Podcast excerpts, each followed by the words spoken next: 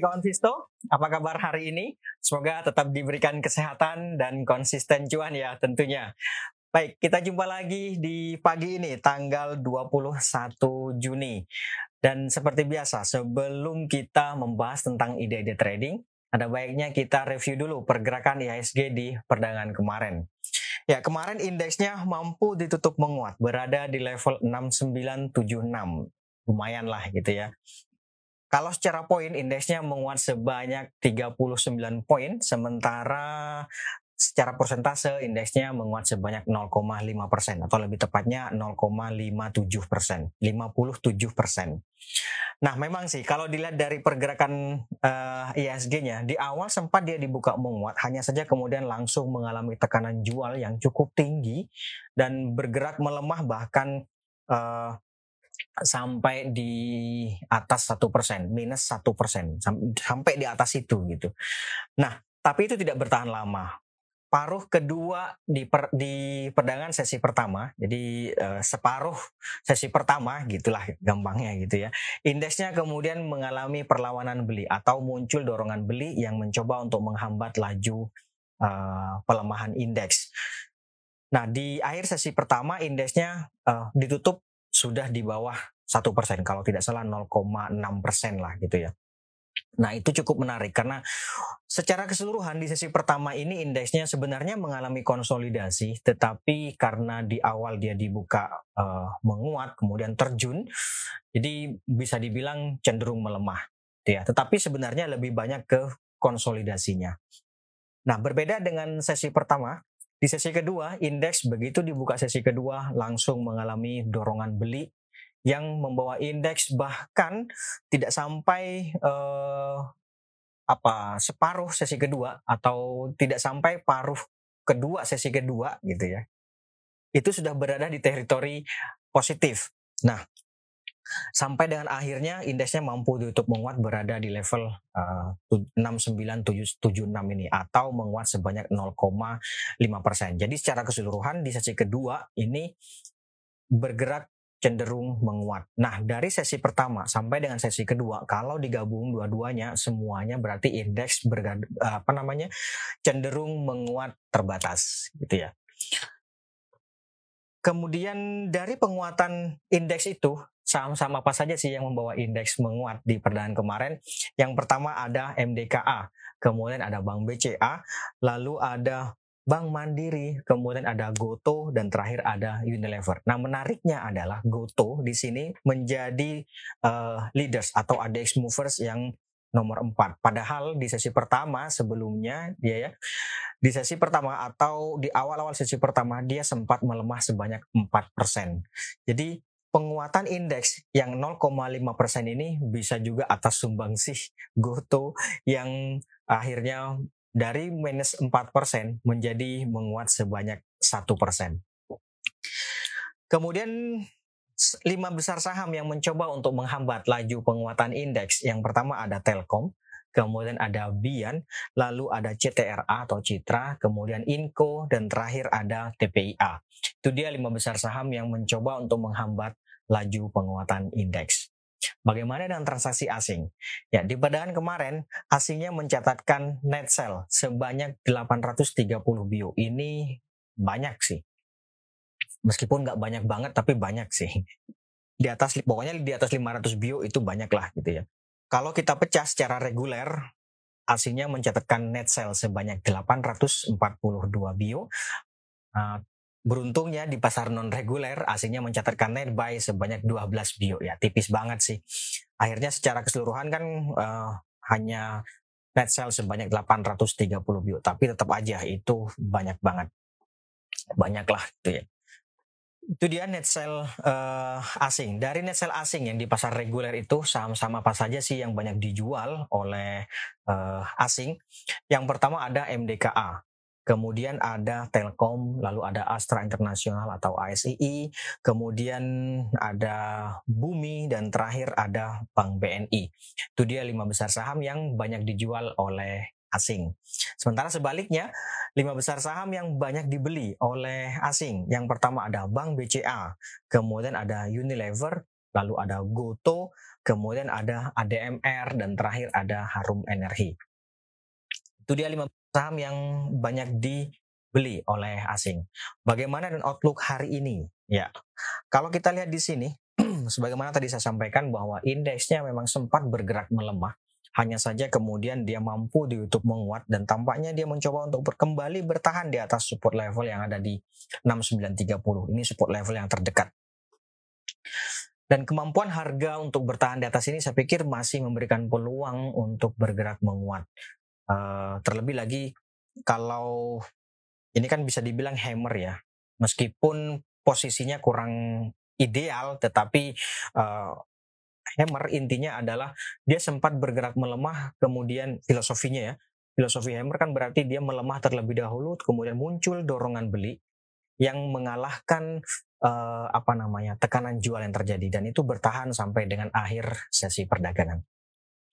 Nah, kalau melihat dari ini semua, maka saya pikir masih ada peluang untuk setidaknya melanjutkan konsolidasi dengan kecenderungan menguat terbatas. Itu. Ring pergerakan diperkirakan antara masih sama yaitu di 6900 sampai dengan 7025 di level-level itu. Itu untuk ISG-nya. Kemudian sekarang kita ke ide trading. Barangkali ada uh, ide-ide atau ide-ide trading yang mau didiskusikan bisa disampaikan nanti kita buka bareng-bareng. Oke, yang pertama ada sebentar saya lihat dulu MAPI. MAPI. Nah, ini dia MAPI. Ya, MAPI di perdagangan kemarin juga mampu ditutup menguat atau bergerak menguat tampaknya dia mencoba juga untuk bertahan di atas uptrend line di sini atau support level di berapa ini 870 ya ya di 870-an lah gitu ya saya pikir ini juga memberikan peluang untuk uh, berlanjut menguat sih. Jadi bisa saja ini spekulatif buy. Kalau spekulatif buy uh, boleh di 885 885 sampai 900 saya pikir boleh di level-level itu. Kemudian nanti take profitnya kalau dapat di harga, kalau dapat harga katakanlah di 885 misalnya 930 eh, sih harusnya uh, bisa dipertimbangkan untuk take profit sih. Atau mestinya sih sudah cukup ya. Bahkan kalau dapat harga di 900 saja harusnya sih sudah uh, cukup. Itu tiga persen lebih. Ya kalau bersihnya kurang lebih 2,9 persen lah. Cukup sih. Itu di uh, 9.30 atau di atasnya boleh juga. Di atas 9.30 itu ada 9.40 ya, ya, selisih dua poin lah dengan dengan apa namanya uh, 9 nah 940 itu di sini kawan. Nih cukup ideal sih untuk take profit karena ini merupakan resist yang ya bisa dibilang cukup kuat lah gitu ya untuk MAPI kemudian berikutnya ada Oke, Tekno. Nah, ini dia tech. Ya, di perdagangan kemarin tampaknya harga mengalami uh, koreksi setelah dia sempat juga sih bergerak menguat bahkan uh, mencoba untuk uji resist yang ada di 8000. Ya, hanya saja belum mampu dan wajar saja sih kalaupun terkoreksi ini wajar. Jadi uh, seperti sebagaimana yang saya sampaikan kemarin bahwa trailing stop merupakan hal yang uh, bagus untuk diterapkan di sini. Kemarin sih harusnya kalau apa namanya pasang di trailing stop di support terdekat yaitu di 7400 harusnya sih sudah uh, take profit ya. Atau uh, masih pegang nih baiknya gimana ya misalnya misalnya misalnya masih ada yang pegang dari harga-harga sebelumnya di harga 6.500 misalnya gitu ya Ya, saran saya sih ini support berikutnya kan ada paling dekat itu di 6850 nih, paling dekat. Kemudian di bawahnya ada 6700. Ya boleh saja dipasang uh, trailing stop di level-level situ. Kalau potensinya seperti apa? Kalau melihat tekanan jual yang terjadi kemarin, maka saya pikir masih ada potensi untuk bergerak melemah ya bagi yang tertarik mau masuk ya bisa dipertimbangkan idealnya. Ini idealnya adalah buy on weakness nunggu throwback. Throwbacknya sampai kapan? Throwbacknya kalau sampai kapannya uh, tentu nggak ada yang tahu ya. Tapi throwbacknya ada potensi kan ke sini kalau throwback ke 6 ribuan lah gitu ya. Tetapi kalau misalnya nih hari ini harga bergerak menguat sampai di atas 7.600 saya pikir nggak ada salahnya juga untuk trading buy gitu. Jadi idealnya memang benar adalah buy on weakness nunggu throwback. Tapi kalau misalnya ternyata harga berbalik menguat, malah justru menguat gitu ya di atas 7.600 boleh juga sih untuk uh, trading buy nanti targetnya 7875 kemudian di atasnya ada 8000 di level-level itu. Oke, saya pikir itu untuk uh, tag. Kemudian berikutnya ada Antam. Sebentar. Antam ya. Nah, ini dia Antam. Ya, kalau melihat pergerakan harga ini, ini kan tampaknya uh, masih cenderung melemah dan belum mampu untuk uh, apa namanya bergerak rebound. Menurut saya ini idealnya adalah buy on breakout. Buy on breakout di atas 2160 itu uh, kondisi ideal ya di atas 2160 tetapi kan kemarin 2070 nih kemudian ke 2160 kan masih jauh. Bisa nggak ambil spread di situ? Nah caranya begini. Uh, bisa saja buy on weakness 2000 sampai 2050 gitu ya 2000 sampai 2050 kan itu level psikologis tuh biasanya kan cenderung tertahan di level-level itu tetapi kalau misalnya nih ternyata harga hari ini bergerak menguat sampai di atas 2100 nggak ada salahnya juga untuk uh, apa namanya spekulatif buy atau ya di atas 200 2110 lah gitu. Tapi 2100 sih uh, bisa sih dipertimbangkan untuk uh, spekulatif buy gitu. Ya, sekali lagi ini uh, bisa saja buy on weakness. Kalau idealnya kita bicara ideal maka tadi buy on breakout di atas 2160 ya kan. Tapi kan dari 2070 ke 2160 ini kan 2160 itu di sini kawan. Nih, resist di sinilah gitu ya. Tapi itu kan masih ada spread yang uh, lumayan ya kalau bergerak menguat Misalnya hari ini dia bergerak menguat sampai di atas tadi 2100, saya pikir bisa saja dipertimbangkan untuk trading buy. Nanti targetnya di berapa? Targetnya 2160, nggak usah jauh-jauh. Uh, kalau misalnya dapat harga di 2100 katakanlah gitu ya dapat harga di 2100 atau 2110 gitu misalnya jual di 2160 itu sudah dua setengah persen 2,8 persen berarti bersihnya kan kurang lebih 2,4 persen itu cukup sih untuk trading jangka pendek gitu ya oke itu untuk Antam. Apalagi misalnya dapat harga di level psikologis 2000. Misalnya hari ini bergerak melemah di 2000, kita spekulatif buy. Ya kalau dapat harga 2000, 2100 sih udah cukup sih. Nggak usah harus nunggu ke 2160, 2100 cukup. Untung sih yang jelas masalah cukup enggak kan itu kembali ke masing-masing ya. Oke, itu untuk Antam. Kemudian kita lanjut ada BBYB. Ya. Ini dia BBYB. BBYB kemarin juga uh, ditutup melemah uh, cukup dalam sih ini bisa dibilang cukup dalam lah. 14 poin itu kan banyak ya. Meskipun sebenarnya harga mengalami konsolidasi, maka dengan seperti ini idealnya adalah buy on breakout. Idealnya tentu di atas 1180 ya kurang lebih kan uh, strateginya hampir sama nih dengan yang Antam tadi. 1180 itu kan masih cukup jauh tuh. Ya kalau mau relatif confirm ya tentu di atas 1180. Itu idealnya seperti itu. Tapi kalau misalnya hari ini dia bergerak menguat sampai di atas uh, eh, 1100, saya pikir sih bisa saja trading buy atau spekulatif buy gitu ya. Nanti targetnya ya paling dekat 1130, kemudian di atasnya ya itu tadi di 1180. Yang jelas resistance level terdekat saat ini berada di uh, eh, 1100, kemudian 1130, lalu ada 1180. Nah, di situ, di level-level itulah gitu ya. Oke, saya pikir itu untuk uh, eh, BBYB. Kemudian kita lanjut. ada lagi nggak? Ada lagi uh, sebentar, Java. Java. Nah, ini dia Java. Ya, di perdagangan kemarin Java juga mampu tutup menguat, tampaknya harga juga masih mencoba untuk bertahan di atas ini nih kawan, 1370 ya, 1370, 1360 ya masih mencoba untuk bertahan di atas 1360. Saya pikir ini memberikan peluang untuk berlanjut menguat. Terlebih lagi kalau kita lihat di sini ya, ini kan uh, stokasnya sudah bergerak keluar dari oversold area. Jadi saya pikir bisa saja ini spekulatif buy. Spekulatif buy boleh dipertimbangkan di 1380 sampai 1405 juga uh, boleh di level-level itu. Nah ini target take profitnya di sini kawan. 1420 nah ini sampai dengan 1440 di yang biru ini kawan. 1420 sampai dengan uh, 1420 di atasnya ada 1440 di level-level itu boleh sih dipertimbangkan untuk take profit. Memang sih ya, idealnya untuk take profit di level-level ini yaitu 1465 kemudian di atasnya 1480. Tapi saya pikir 1440 uh, harusnya sih sudah cukup.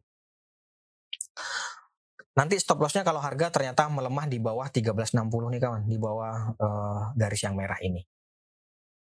Gitu ya. Oke, itu untuk uh, Java. Oh iya, ada informasi penting yang perlu saya sampaikan di sini bagi kawan Visto yang kemarin-kemarin sudah transaksi di investasiku, kemudian punya uh, Alobank juga ya punya rekening di Alobank, maka silakan dicek di poinnya. Harusnya poinnya sudah nambah gitu ya. Jadi uh, sekarang kan setiap kita melakukan transaksi di investasiku, maka T plus satu itu kita dapat poin, gitu ya. Poinnya berapa nanti coba aja di di uh, dicek. Kalau tidak salah setiap transaksi berapa ya Pak Produser? Misalnya uh, sampai dengan satu miliar itu 0,04 persen kalau tidak salah seperti itu. Uh, apa namanya 0,004 persen uh, poinnya gitu ya. Semakin banyak transaksi Anda, tentu akan semakin banyak poin yang didapat di Alo uh, poin di Alobank. Silakan dicek nanti. Nah, poin itu digunakan untuk apa? Bisa macam-macam. Bisa belanja di Transmart, bisa belanja di Cafe Bean, bisa belanja di Wendy's, bisa beli saham lagi, bisa juga. Bisa kalau poinnya banyak banget nanti bisa saja buat nyicil motor, buat nyicil mobil, bisa pokoknya semua bisa. itu ya, ya jelas di uh, periksa saja dulu kalau sudah uh, apa namanya dari kemarin-kemarin transaksinya cukup sering harusnya sih poinnya sudah nambah di Alobank. Transaksi hari ini poinnya akan nambah T plus 1. Gitu ya. Silahkan dicek. Itu informasinya. Penting banget. Kemudian kita lanjut. Ada berikutnya ada Tekim. Tekim ya. Oke, kita Tekim dulu. Nah, Tekim sih di perdagangan kemarin juga dia mampu ditutup menguat, menguat memang tipis sih, hanya satu poin. Uh, tetapi ini um, cukup menarik sih karena dia tampaknya mencoba untuk bertahan di atas 6325 nih kawan. Ya kan?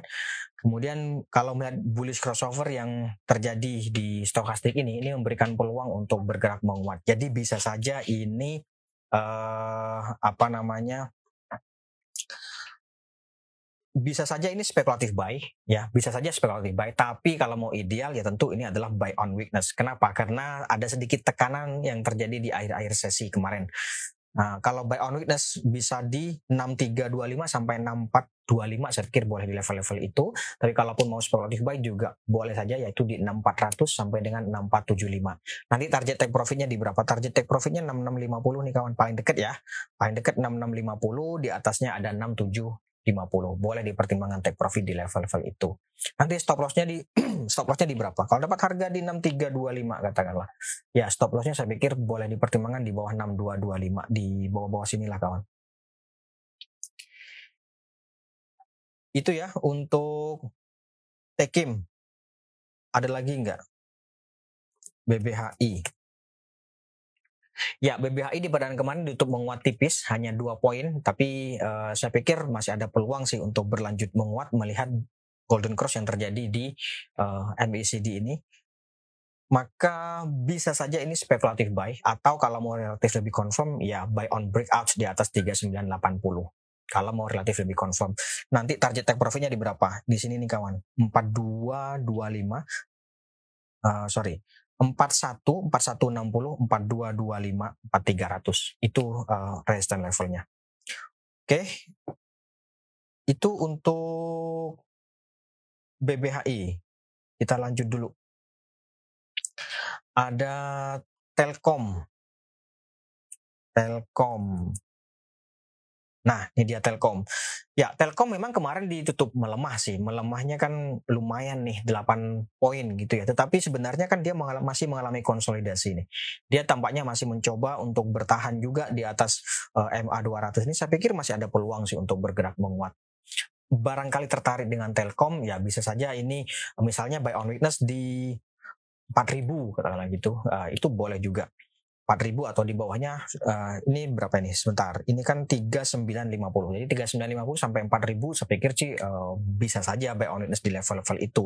Tapi kalau misalnya hari ini harga bergerak menguat sampai di atas 4100 ya bisa saja untuk bisa juga untuk trading buy atau spekulatif buy. Targetnya di sini nih kawan 4180 ya yang jelas uh, di perdaan kemarin meskipun dia bergerak melemah tapi sebenarnya masih mengalami konsolidasi atau melanjutkan konsolidasi. Resistance level terdekatnya ada di sini nih 4130. Kemudian di atasnya ada 4180, di atasnya lagi ada 4250. Uh, ini kan terjadi gap down nih di sini nih. Jadi bukan apa namanya uh, bukan tidak mungkin dia mengisi ini dalam waktu dekat gitu ya 4250 oke itu untuk Telkom kemudian Adaro siap Adaro nah ini dia Adaro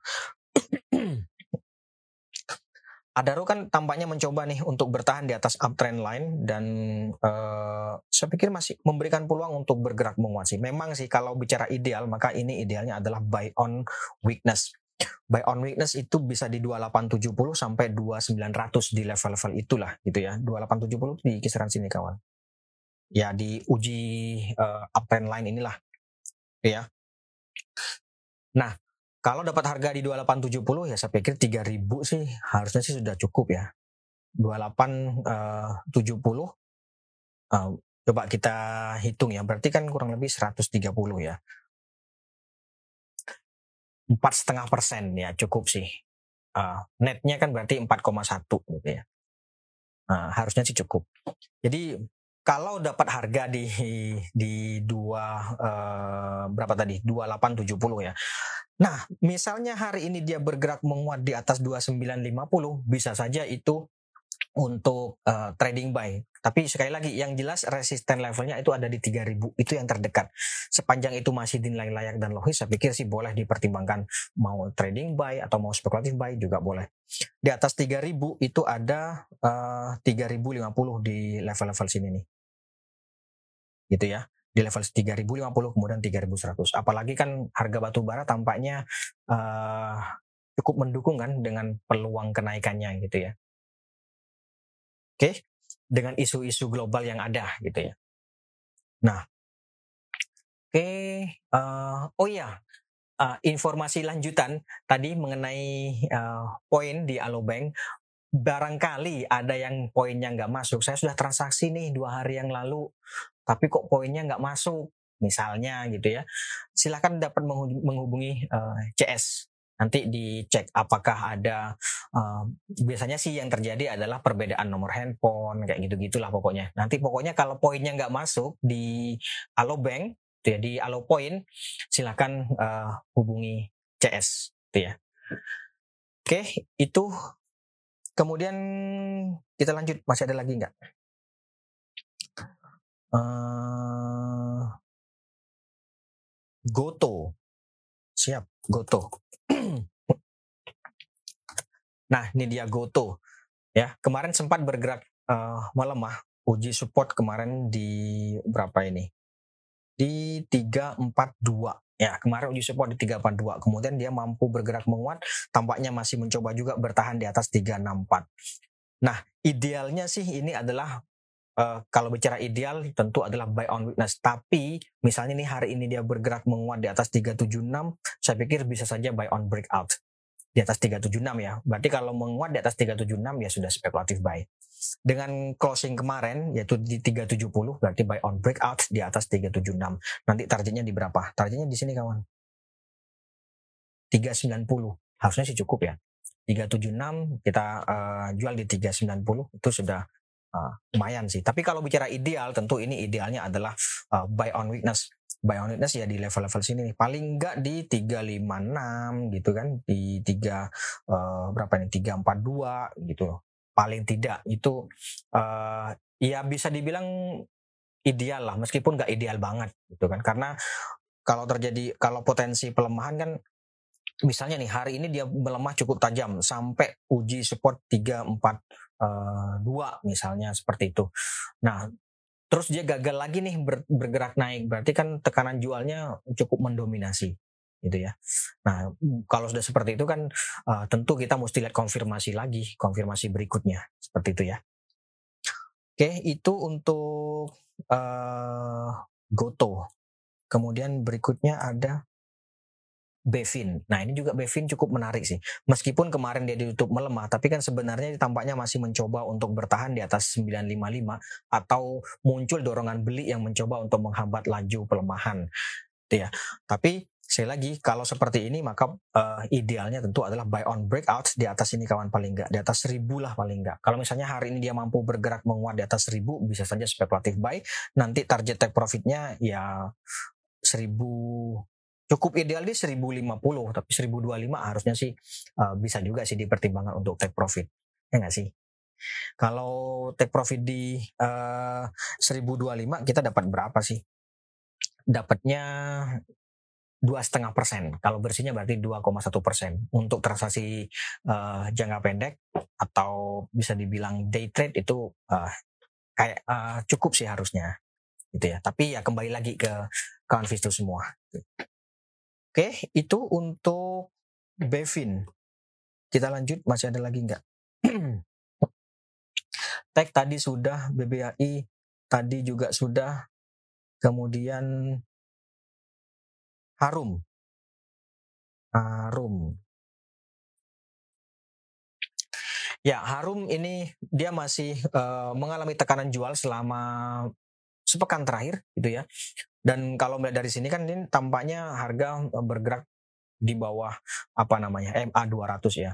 Maka strategi belinya kalau seperti ini menurut saya adalah mending tunggu adanya dorongan beli yang setidaknya menghambat deh, setidaknya menghambat laju pelemahan harga gitu ya. Atau ya dengan kata lain gampangnya gini deh, buy on breakout. Nah itu gampangnya deh. Setidaknya di atas 1730. Nah itu atau uh, relatif confirm itu kan di atas 17.30 ya relatif uh, confirmnya. Kalau misalnya hari ini dia bergerak menguat di atas 1700, setidaknya di atas 1700, nah itu saya pikir boleh saja sih untuk uh, apa namanya trading buy atau spekulatif buy. Yang jelas resistance level terdekatnya itu ada di 1700, kemudian 17 uh, 25, lalu 1750. Ya, di level-level itu 1750 oh sorry 1730 tadi ya. 7 saya ulangi resistance level terdekatnya ada di 1700 kemudian 1730 lalu 1750 itu yang terdekat. Itu yang terdekat kawan.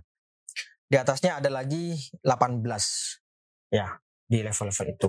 Bisa sih dipertimbangkan untuk uh, apa namanya take profit di level-level itu atau transaksinya di level-level itu gitu. Oke, saya pikir itu dulu kawan Visto untuk hari ini. Uh, terima kasih atas kehadiran dan partisipasinya. Jangan lupa silakan dicek alo poinnya. Setiap transaksi di investasiku akan selalu mendapatkan poin dan poinnya akan dikreditkan eh, uh, itu di T plus 1 gitu ya. Kalau belum nyampe poinnya silakan hubungi CS.